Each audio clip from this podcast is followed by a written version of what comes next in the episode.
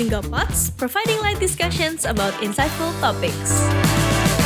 Halo Linggo Buddies, balik lagi di Linggopods, Linggo Talk Podcast bersama aku Bella yang akan menemani Linggo Buddies hari ini di Linggopods kedua. Buat Linggo Buddies yang baru nih, kita kenalan dulu kali ya sama Linggo Talk lagi. Linggo Talk itu apa sih?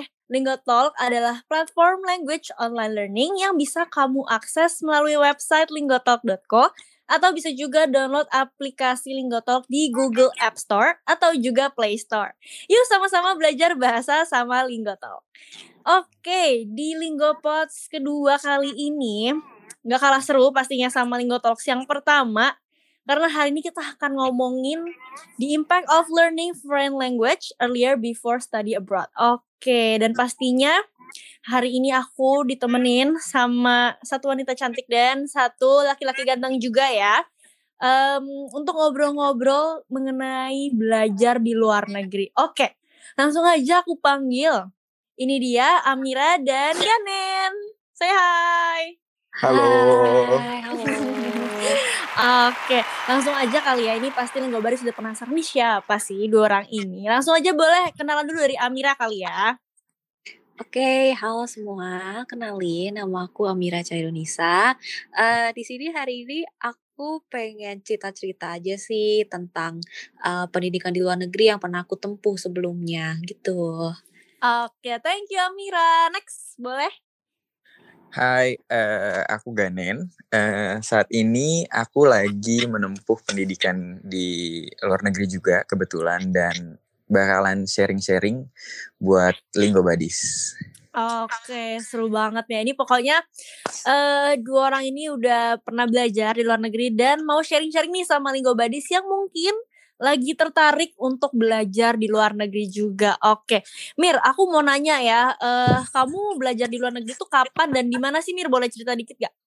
Oke, jadi dulu sebelumnya aku pernah tinggal di dua negara. Jadi waktu aku SD, aku pernah tinggal di Jepang selama empat tahun. Hmm. Terus aku juga sempat SMA di Belanda selama tiga tahun. Wah, suka keliling dunia ya ceritanya ya.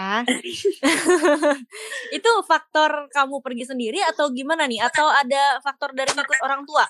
Eh, kebetulan aku ngikutin orang tua aku sih. Jadi Hmm. emang orang tua aku agak nomaden gitu kali ya Hmm, bahasanya. menarik. Oke, eh kalau ditanya, ini kalau SD ya pasti lumayan bisa ngomong kali ya bahasanya. Boleh nggak sih eh di spill sedikit gitu, bisa bahasa Jepang ya katanya. Boleh kali perkenalan pakai bahasa Jepang kali ya? Oke deh, jadi aku bakal perkenalan sedikit kali ya pakai bahasa iya, Jepang. Iya, yeah, oke. Okay. Eh, konnichiwa minasan, watashi no namae wa Mira desu. Eh, ima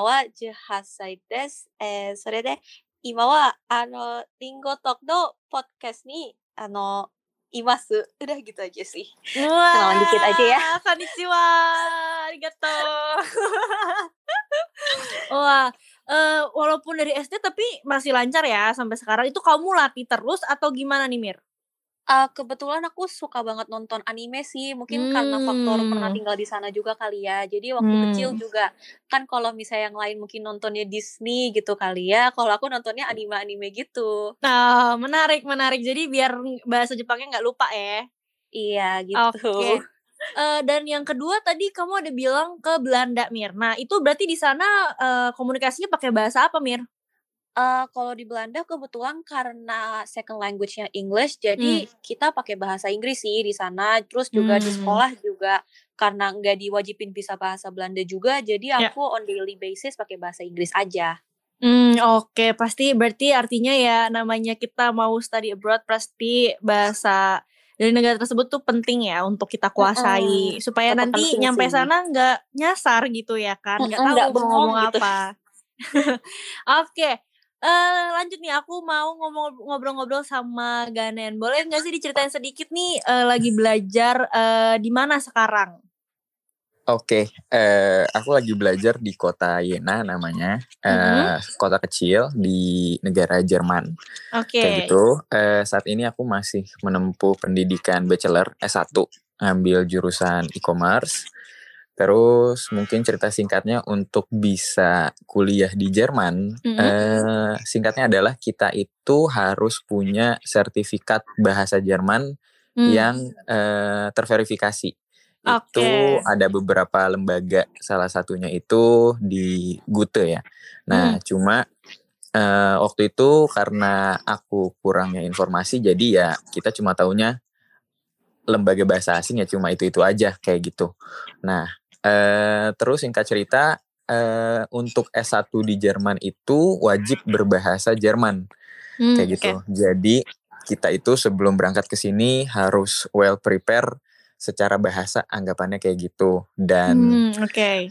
buat aku pribadi eh secara bahasa ya di Eropa itu mereka itu pride dengan bahasanya masing-masing kayak Hmm, gitu. betul. Jadi Hmm, hmm. Heeh, jadi nggak bisa nih kita sembarangan ngomong bahasa Inggris di Iya. negara-negara Eropa kayak gitu. Nggak Jadi diladenin bisa-bisa ya di sana ya. bener, entah nggak diladenin ataupun mereka nggak belajar bahasa Inggris karena mereka udah pride Hmm. dengan bahasanya Ya. sendiri bisa dibilang kayak gitu sih. Hmm, hmm, hmm. Dan ya sekarang jadi bahasanya itu di sini yang dipakai bahasa Jerman kayak gitu dan eh, aku juga ada interesting sama beberapa bahasa lainnya karena kebetulan suka travel kayak gitu dan Hmm, betul. Harus bisa dari banyak bahasa ya biar namanya turis gitu ya, biar bahasanya bahasa turis aja sih Iya. sebenarnya kayak gitu. Karena itu tadi balik lagi karena eh itu tadi mereka itu sangat bangga dan sangat percaya Hmm. diri dengan bahasa masing-masing kayak gitu. Oke, eh, biar sama kali ya, biar impas nih ya sama Amira, biar Amiranya nggak eh, kecil hati nanti dia doang yang disuruh. Boleh kali Ganen introduce diri kali ya pakai bahasa Jerman. Oke, oke. Eh, dikit aja kali ya. Iya, boleh, Ya, boleh. ja, guten Tag. Äh, ich bin Ganindra Manggala Bono. Sie können mir gerne nennen. Äh, jetzt studiere ich in Deutschland, eigentlich in Jena, in Richtung äh, E-Commerce. Dan, naja, das ist alles. Dan hoffe, Wah, alles in good or no. Ya. oke. Wah, aku cuma tahu Guten Morgen. itu bahasa Jerman kan? Oke, itu bahasa Jerman. Oke, aku nggak salah. Oke. em, berarti kalau tadi se- eh, udah ngobrol-ngobrol sedikit, berarti Ganen itu udah belajar bahasa Jerman sebelum pergi ke Jerman sendiri ya berarti? Iya, betul. Hmm, oke. Itu kepikiran mau study di Jerman tuh gimana sih? Maksudnya kayak apakah emang dari dulu suka sama Jerman atau gimana nih? Hmm, kalau ditanya kayak gitu sebenarnya dari SMA tuh ingin eh, coba pengalaman di luar kali ya anggapannya kayak gitu dan di situ explore sih waktu itu nggak cuma Jerman ada Aussie ada Inggris Amerika dan Jerman salah satunya kayak gitu dan Hmm. setelah dieksplor eh, segala macam dan dipertimbangkan akhirnya memilih Jerman kayak gitu Oke, baru setelah itu belajar bahasa Jerman ya? iya benar Hmm, gitu belajar bahasa kayak gitu susah gak sih? Apalagi kan maksudnya kayak ya kayak sama kayak juga kayak Kak Amira eh, sama Amira gitu. Eh bahasa Jerman dan juga Jepang kan maksudnya kayak eh, nggak eh, sangat apa jarang ya. Maksudnya di Indonesia jarang didengar juga kecuali kan kalau Inggris kan umum gitu untuk kita dengar. Nah, itu gimana sih eh susah eh, susah gampangnya belajar bahasa asing nih boleh dari Amira dulu kali ya.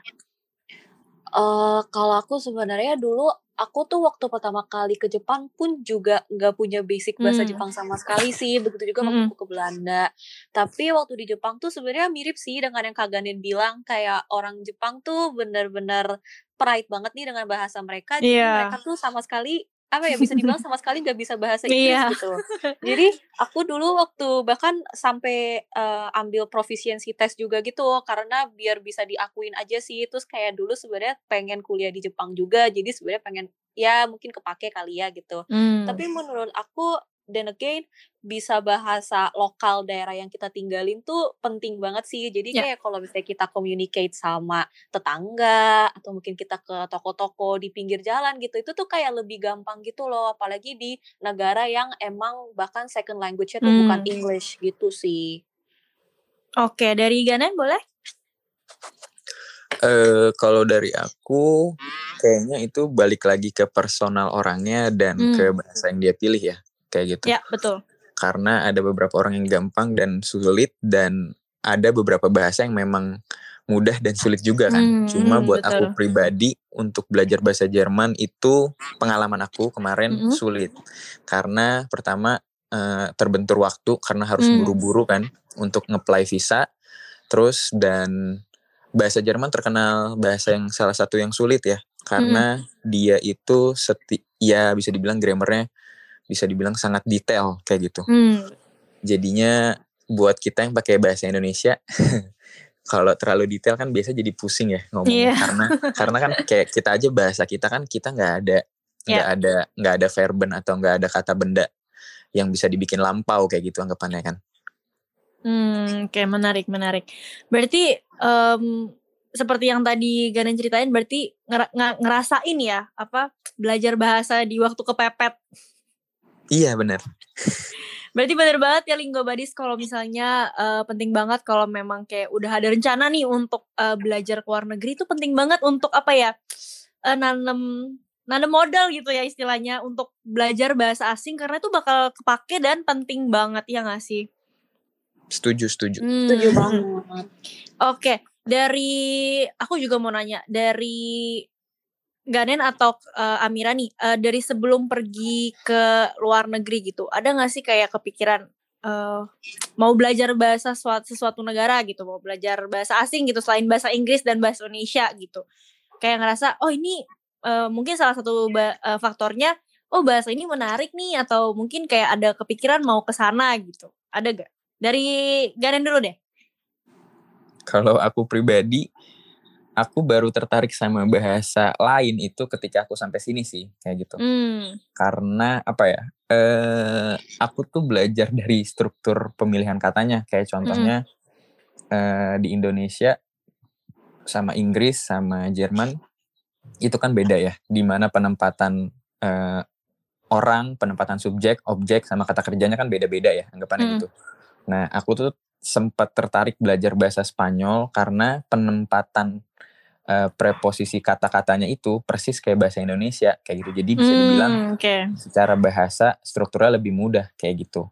Cuma Oke. ya tetap sih namanya belajar bahasa asing butuh iya. adaptasi kan. kayak gitu sih kalau dari aku. Oke, menarik ya. Biasanya nih kalau orang ya ditanya kayak kenapa mau belajar bahasa itu kayak enak dengernya terus kayak oh kebanyakan nonton film ini gara-gara preposisi loh, kaget. Kayak jarang-jarang ya ada orang yang kayak oh ini preposisinya sama nih kayak gitu. Oke, menarik menarik menarik. Selain bahasa Spanyol ada bahasa lain kah? Maksudnya kayak seperti tadi kan Ganin udah bilang juga nih apa pengen traveling, suka traveling eh mau belajar bahasa apa lagi kira-kira? Kalau belajar bahasa apa lagi eh, itu ini sih kayak pertanyaan yang sering diajukan juga kayak Hmm. kenapa suka bahasa Spanyol? Hmm. Ya bisa dibilang kan karena bahasa Latin kan bisa dibilang salah satu bahasa ibu ya. Hmm, Jadi kayak more than 50% orang di dunia tuh pasti bisa bahasa Latin atau Spanyol anggapannya gitu. Jadi Hmm. maksudnya ya worth it buat dipelajari kayak gitu. Terus kenapa belajar bahasa Jerman ya karena kewajiban di sini kan kebetulan Hmm. terus dipakai sama tiga negara. Terus kalau ditanya bahasa lain yang pengen dipelajari selanjutnya apa? Mungkin antara Italia atau Prancis kali ya. Hmm, gitu. kayak soalnya mirip-mirip kali ya bahasa-bahasanya tuh ya. Hmm, apa ya? Waktu itu, waktu itu tuh nggak jadi belajar bahasa Prancis karena Hmm. kata dan pelafalannya tuh berbeda jauh kayak gitu. Hmm, hmm, hmm. Kan kalau anggapannya kalau di Indonesia ada huruf K A T A dibacanya kata kayak Hmm, gitu. iya bener bahasa Perancis Eh. nggak tahu ada huruf Nah. apa tiba-tiba nongol itu ya di situ ya. Iya, sering ada eng-engnya. Nah, makanya Iya, waktu itu bener. pas ngeliat bahasa Prancis langsung bisa dibilang jiper sih.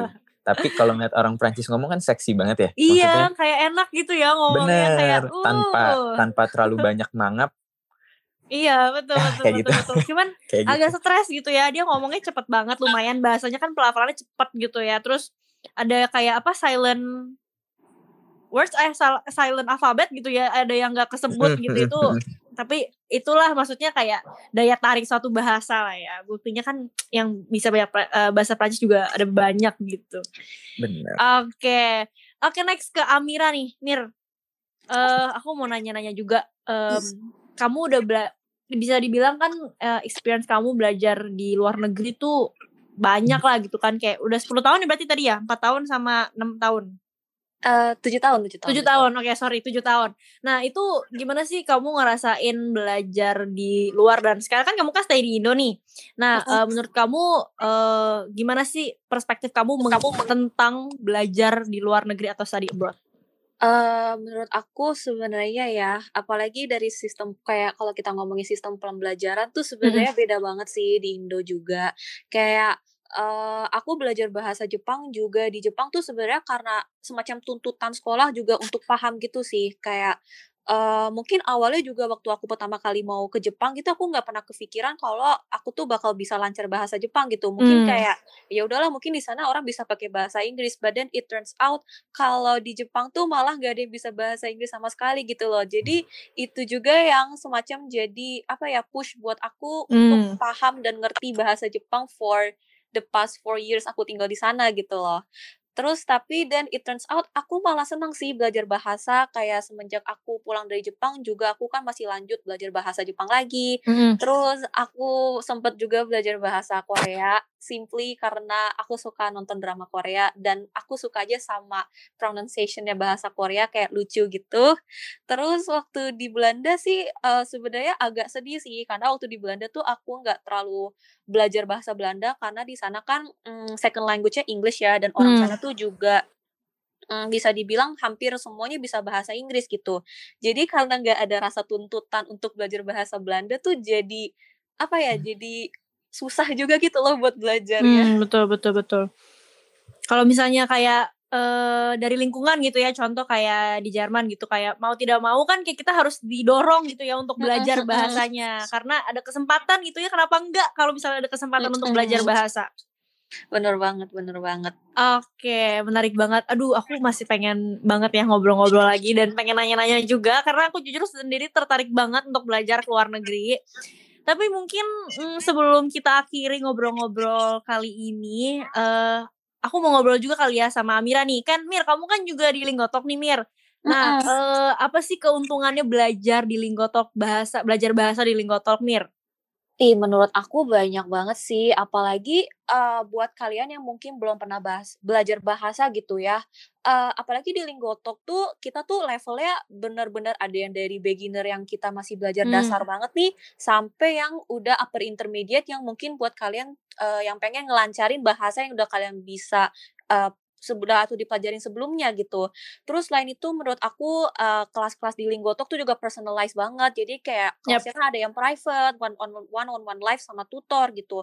Jadi buat kalian mungkin yang lebih senang berdiskusi, bisa nih berdiskusi dengan tutor. Kalian yang lebih senang belajar yang mungkin melalui tulis menulis gitu, kalian juga bisa tuh request ke tutor-tutor kita gitu sih, Hmm, Bel. oke. Dan aku mungkin mau nambahin lagi kali ya, karena belajar di Linggotalk itu tuh berfokus sama conversation yang mana tuh berguna banget untuk aplikasi dari bahasa tersebut.